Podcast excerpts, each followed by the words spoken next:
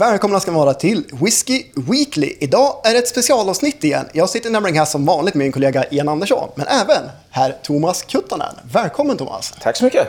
Vad kul att du ville ta emot oss här. Vi är ju faktiskt på Cinderella idag för att det är ju avgång för Cinderella Whisky för, för första gången på länge här. Men det är inte därför vi är här egentligen och ska prata. Det började att det var första tillfället på så otroligt länge att ses. Så att vi tänkte vi passar på att snacka med, med dig och höra lite grann om symposium helt enkelt. Men vill du börja berätta lite grann om vad är Symposion och hur kommer det sig att ni startade upp företaget? Ja, Symposion, för er som inte känner till oss så är vi ju en, ett företag som specialiserar oss på framförallt maltwhisky. Vi har funnits i, eh, ja vad blir det nu, över 25 år faktiskt. Mm. Eh, och eh, Eh, Eh, vi jobbar med några av Skottlands eh, främsta destillerier. Vi jobbar med Springbank, med Arran, Ben Romach. Eh, arbetar med många oberoende buteljerare som Gordon MacPhail, Cadenhead, Vintage Malt Whisky. Har några stycken storsäljare som Ilac och Finlagan. Eh, Nicka från the Barrel, Supernicka på, på Systembolaget. Men är väl kanske framförallt mest kända för att vi arbetar med specialbuteljeringar. Vi har i särklass flest exklusivlanseringar på, på Systembolaget. Mm. Eh, en typisk månad så kanske vi ligger någonstans på 20, 25, 30 stycken. Mm. Sådana som Systembolaget köper in sex flaskor eller 600 mm. flaskor och eh, säljer slut på en dag och sen så börjar vi om från början igen. Det är Sånt som är jätteskoj. Ja, det är imponerande siffror. Ja, Ian har ju provat ganska många av era släpp och bland annat Gordon MacPhail som du nämnde. Mm. Det är ju nästan nästan Rolls Royce bland oberoende buteljerare. Alltså de har ju otrolig bredd såklart för att de har hållit på så länge och har ju, så vitt jag vet, fortfarande världens bästa kontaktnät bland destillerierna av oberoende buteljerarna. Ja, jag tror inte det finns någon som kan arbeta på samma sätt. Eh, en del brukar ju föraktfullt eh, kalla oberoende buteljerarna dammsugaren då som tar över resterna. Mm. Eh, och det, det, det, finns ju det för framförallt nystartade företag som köper upp sånt som inte ens blandningsindustrin vill ha. Mm. Medan ett företag som Gordon MacPhail de åker ner till Jerez och köper ut de bästa sherryfaten, mm. levererar dem till destillerierna och ber att få dem uppfyllda. Ja. På samma sätt som de gjorde på 30-talet, 40-talet, 50-talet gör de fortfarande än idag. Mm. Så. Och var det inte så också att Gordon MacPhail var en av de oberoende buteljerarna som förde fram singelmalten? Istället för blended whisky lite grann när den började födas? Ja, eh, Gordon MacPhail brukade ju marknadsföra sig som världens ledande maltwhisky-specialist. Eh, och under lång tid så var de ju störst på maltwhisky i världen. Mm. Idag är de långt ifrån störst för att destillerierna själva säljer ju maltwhisky. Men eh, den ledande specialisten är de fortfarande. Och det, det, är ju många som säger och ingen som ifrågasätter att single malt whisky hade inte varit vad det är idag om inte Gordon MacPhail hade funnits. Mm. Och nu är det ni som representerar dem i Sverige och har gjort det i många år. Eh... Ja, det var faktiskt vår första eh, producent. Så att eh, i början på 90-talet så började vi samarbeta med dem. Ah, okay. Var det där fröet såddes till att starta upp Symposion eller fanns det, hade ni annat på bordet redan innan så att säga? Nej, det, det är en väldigt lång och märklig historia. Vi vi är ett familjeföretag och vi har alltid haft ett stort intresse för eh, mat och drycker och så vidare. Och eh, när, när jag var liten så medan grannbarnen fick sitta och bläddra i Vingresers resekatalog och inför semestern så satt vi och bläddrade i Vinatlas och bestämde vilka, vart vi skulle resa i Bordeaux eller Skottland eller eh, Rheingau, vad det nu månde vara. Det låter i och för sig ganska trevligt. Ja, både och. När man, när man är eh, eh, riktigt liten så kanske man tycker att en, en strand skulle vara mer lockande. Men eh, eh det vet du ju själv, det här är ju en fantastisk bransch. Mm. Det är ju fyllt av fantastiska människor som har engagemang och stolthet och traditioner. Och det är ju helt underbart. Och det är lite grann på det sättet vi kom in i det. För att eh, vi var faktiskt en bankfamilj från början. Så att Pappa var direktör på en bank, mamma jobbar på en annan bank, min bror på en tredje bank och jag på en fjärde bank. Så att vi, vi var ju ganska så enkelspåriga i våra middagskonversationer. Mm. Men eh, intresset för mat och dryck som sagt det fanns där och eh, eh, vid ett tillfälle så blev pappa kontaktad av eh, prinsen av Hessen som eh, hade sålt sina viner eh, till Sverige under många årtionden. Mm. Men som plötsligt inte fick några inköpsorder från Vin och Sprit som på den tiden hade monopol. Och eh, mm. frågade, kan inte ni hjälpa oss att komma in på Systembolaget igen? Och eh, vi hade ju inte en susning om hur Systembolaget fungerade men det, det är ju klart att man vill hjälpa sina vänner. Vet man ens det idag egentligen? ja, det, det, det, är ju en liten speciell bransch men eh, jag, jag tycker Systembolaget idag har en helt annan transparens och eh, öppenhet. Mm. Och vill verkligen fungera professionellt. Mm. Så jag tycker att Systembolaget, även om de har en del brister så är de ett fantastiskt företag som erbjuder en enastående service till svenska dryckeskonsumenter. Mm. Men hur som helst så ja. eh, bestämde vi oss att vi skulle försöka hjälpa till med detta. Så att eh, pappa och min bror Peter och jag vi tillbringade kvällar och helger och lunchraster på det här lilla projektet. Och eh, mot alla odds så lyckades vi få in prins von Hessen på Systembolaget igen. Och eh, han var jätteglad och här kunde då historien tagit slut. Men plötsligt så ville prinsens vänner ha samma hjälp. Så plötsligt så hade vi en handfull olika vinproducenter från Rheingau mm. som vi skulle arbeta med. Och eh, eh, vi åkte ner till Vinexpo i Bordeaux. Eh, världens största dryckesmässa äger rum där varannat år. Mm.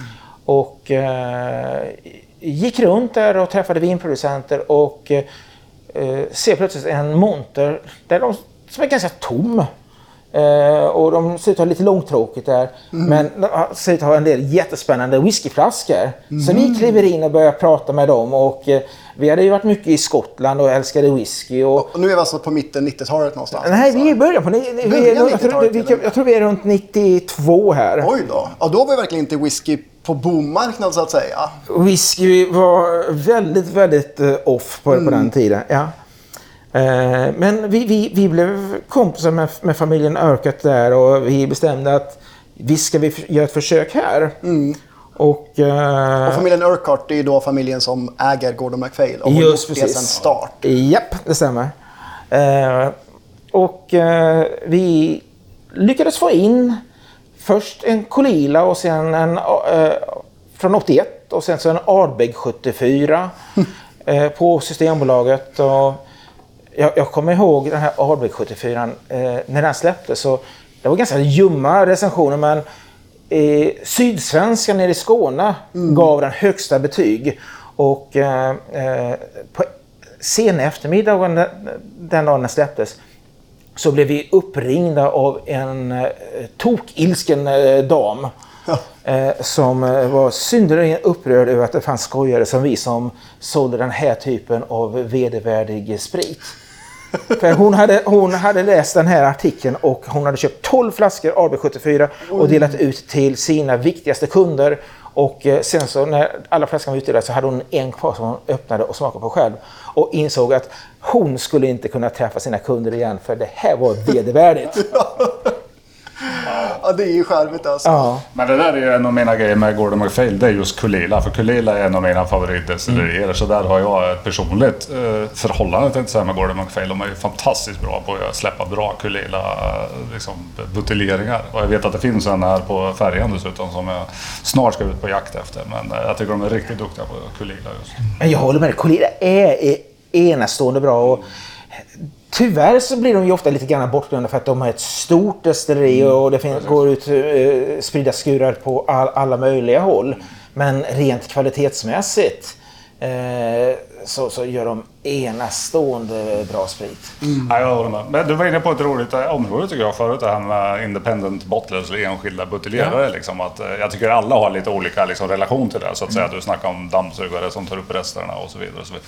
Eh, själv tycker jag det är jätteintressant med independent bottlers. Framförallt att man kan få ut whisky som, från destillerier som generellt inte gör eller släpper single malt buteljeringar. Och det är ju fantastiskt. Men vad, vad är din liksom, förhållande, ditt perspektiv på, på just independence och destilleributeljeringar? Jag älskar independence. Jag, jag, jag tycker att det är ju, det är ju spritvärldens uh, rockklubbar. Det är ju där saker och ting händer. Uh, de, nästan alla destillerier ägs ju av någon jätte. Det finns ju några stycken undantag. Springbank, uh, Arran, Ben Roma, Glenfarclas. Men nästan alla ägs av stora, gör jättestora batcher och uh, ofta så är det lite mer slätstruket än vad det borde vara. Mm. Medans Independence eh, där är det extrema toppar och ibland också dalar. Men eh, jobbar du med en, en independent som du litar på som är Cadenhead som ägs av Springbank och med all dess historia och Springbank.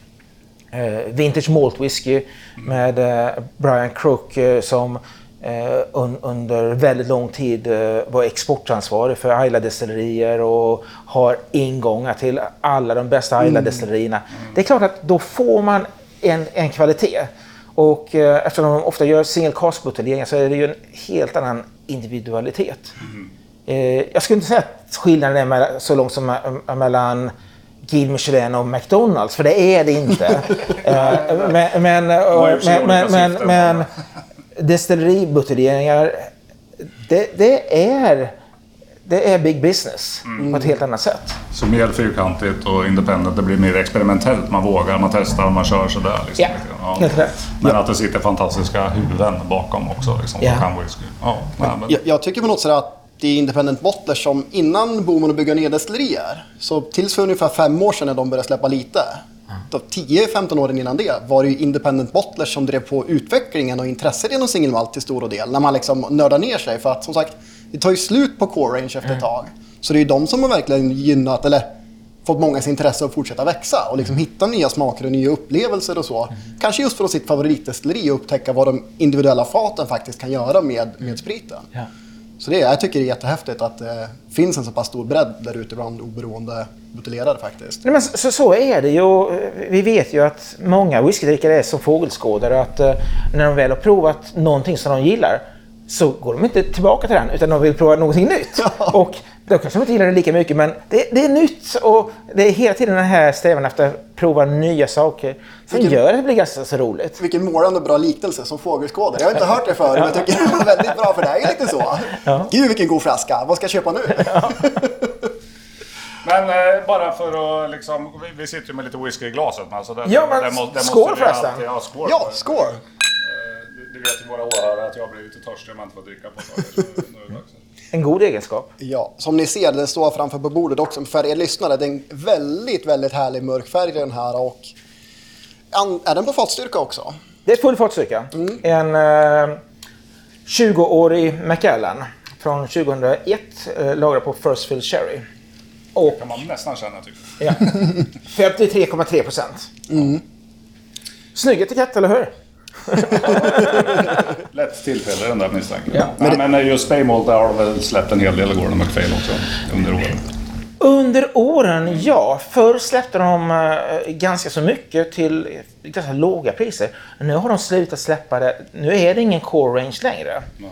Utan det är uh, några utvalda marknader som får lov att köpa en liten allokering varje år. Och uh, vi har under pandemin eh, haft en enastående period i Sverige där vår försäljning faktiskt har ökat. Mycket beroende på att svenskarna eh, handlar mycket inom och, och, åker utomlands. Eh, men nu måste handla i Sverige. Man mm. har mer pengar för att man inte eh, betalar eh, slänger iväg pengar på resor och så vidare. Mm. Eh, och eh, då, då, då har vi verkligen kommit in i, i bland favoriterna hos Gordon McFail. Så att eh, i, i år fick vi faktiskt två stycken egna fat. Ena, ena eh, släppte vi på Systembolaget och eh, jag tror inte att jag överdriver om jag säger att de sålde slut på under två sekunder. Nej, det tror inte jag heller. Och så har vi ett fat till som vi släpper till ett ett eget litet småhemligt eh, projekt här mm. inom kort. Så det blir en medlemsbuteljering. Mm, ja, du har lite grejer på gång här som du ska... Du kommer komma ut med information i framtiden har du förstått om det här. Ja, det eh, heter Magical Mystery Malt Club och eh, det är precis vad det, vad det låter som. Det är magiska upplevelser som blir överraskningar där vi sätter vårt namn i pant. När man inte riktigt vet vad man får men vi kommer plocka fram det absolut bästa, det absolut roligaste och vi utlovar eh, ren och skär whisky extravaganza. Det är det vi lever och andas för. Ja. men vad härligt. En liten fråga till bara. Eh, om fem år, vart är som symposium i svenska whiskyvärlden kontra idag? Fortsätter i samma tåg eller har ni, kommer ni komma med nya grejer? Det är, är klart att vi ska komma med nya saker. Eh, marknaden förändras ju hela tiden. Eh, jag kommer ihåg något av de första släppen vi gjorde på Systemet var ett trepack med miniatyrer. Eh, med nedlagda destillerier. Ardbeg 1974, på den tiden var Ardbeg nedlagt. Det var en Cornwallmore eh, eh, 67 och en King Claith 1963. Där känner jag inte ens igen kan jag säga. King Claith är nästan the holy grail. Mm. Ungefär som Ben, ben Vivis eller Mm. Parkmore. Eh, nedlagt sedan evigheters evigheter. Eh, men den blev avlistad snabbt som tusan för det var ingen som ville köpa sådant. Jag menar, har, har de fått stänga ner destillerierna så var det väl för att det var dåligt. Och, Ja. idag skulle den miniatyren av King Claith kanske gå på åtminstone 10 000 kronor. Jag tänkte säga att du skulle ha sparat dem och sålt dem. men- Ja. Jag brukar säga det, hade vi aldrig sålt en Ardbeg 74 så skulle jag vara ekonomiskt oberoende Ja. utan vidare. För att vi, vi, vi sålde ju eh, tiotusentals Ardbeg 74 varje år. Och eh, vi fick kritik för att den var så väldigt dyr. Jag tror den gick på 450 kronor. Ja, det är hårresande De sista dyrt. åren, från, från början var den naturligtvis billigare. Ja. alltså även med inflation inräknat så är det ju häpnadsväckande billigt när man tittar på vart sådana flaskor står idag. Ja. Men så, saker och ting förändras ju hela tiden. Och Sen är jag ju en kreativ person. Jag tycker ju om att vara involverad. Och, eh, jag har ju en historia där jag har gjort, skapat mycket egen sprit. Och eh, börjar jobba mer och mer med våra befintliga leverantörer där jag är med och eh, skapar recepten. Eh, förra veckan släppte vi Finnlägen som jag skapade ihop med Andrew Crook. Vi har ett eh, extremt roligt eh, släpp i fasta sortimentet i december som jag har eh, arbetat med. Destilleriets arbetsnamn på, på produkten är Crazy Swede. Syftar på mig. Är det något du kan berätta mer om eller vill du hålla på det tills vi närmar oss vi, december? vi, vi, vi, vi håller på den. En snygg teaser så det här i slutet på avsnittet. Men bara för min avsikt, men vi körde ju Finnlaggan här nu i podden för, Ja. för förra, förra, förra veckan. Ja. Eh, Och det måste jag ju säga att eh, jag vet väldigt lite om Finnlägen, men jag misstänker ju vilket destilleri det kom från och då blir jag ju färgad i och för sig. Men jag tror för den prislappen så är det nog ingen whisky som har fått högre betyg i våran podd. va? Det- det vågar- Nej, det alltså otroligt prisvärt. Otroligt bra pris för, den- för den ganska fantastiska whiskyn. Som, Ja, vi, vi, jag har ju trott stenhårt på den men eh, det, det, det gick ännu bättre än vad jag någonsin vågat hoppas. Att vi, vi tog hem en container, 12 000 flaskor, lanserade i onsdags. Varenda flaska är slutsåld ur lagret. Det finns fortfarande i, i butiker. Men centrallagret eh, är tömt. Ja. Eh, och eh, eh, nu, nu ska den buteljeras 20 nästa, nästa runda. Eh, det kommer inte vara några batchvariationer eh, på den. Så att, eh, ni, ni, ni kan vara trygga att det kommer smaka exakt likadant. Vi, vi gör så pass stora batcher att, att eh, fatvariationer kommer inte att märkas.